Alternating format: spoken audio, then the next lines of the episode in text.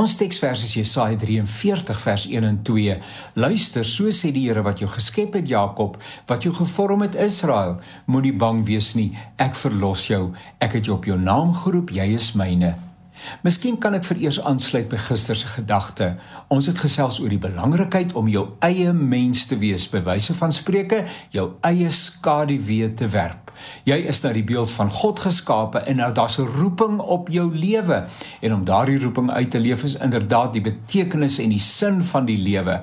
Baie mense gaan deur die lewe sonder om hulle unieke self ooit te ontdek.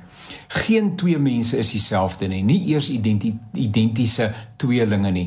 Ons het ons eie temperament, ons eie verstaan van die wêreld, ons eie lewensfilosofie van wat die lewe die moeite werd maak, ons eie sin en roeping, betekenis en so kan 'n mens aangaan. Maar ongelukkig soos reeds gesê, kom min mense ooit daarbey uit om hulle eie unieke self vlerke te gee ten einde uit te vind wie jy ten diepste is en waartoe God jou bestem het, is 'n taak wat uitgevoer moet word. Jy ontdek dit nie in die verbygaan nie. Jy kom by 'n punt waar jy vir die Here en vir jouself sê: "Wie is ek en wat maak ek hier?" Die gevaar is groot om in algemene stellings te verval. Inderdaad is daar gemeenskaplikhede. Ek is 'n mens en ek woon op aarde. Ek wil van die wêreld 'n beter plek maak. Nou, dis wonderlik, maar is baie algemeen. Dit is 'n eerste beweging, maar begin nou hierdie stelling te verfyn, detail en nog meer 'n uh, puntenerige bywyse van spreuke detail. Moenie opvol, uh, ophou voordat jy gevorder het nie. Wie is jy en wat maak jy hier?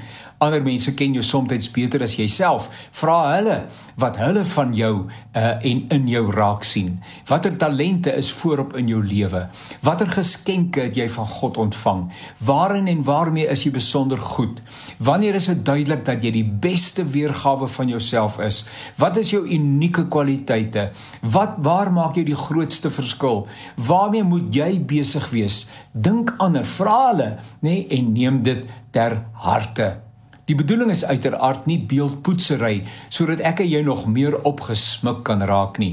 Dit gebeur so maklik dat 'n mens redeneer, "Wow, ek is daarom spesiaal, nê? En die wêreld is gelukkig om my te hê." Ja, die wêreld behoort inderdaad gelukkig te wees dat jy hier is, want hy moet verandering ondergaan omdat jy besig is met jou roeping, maar alles alles is genade, onverdiende guns alleen.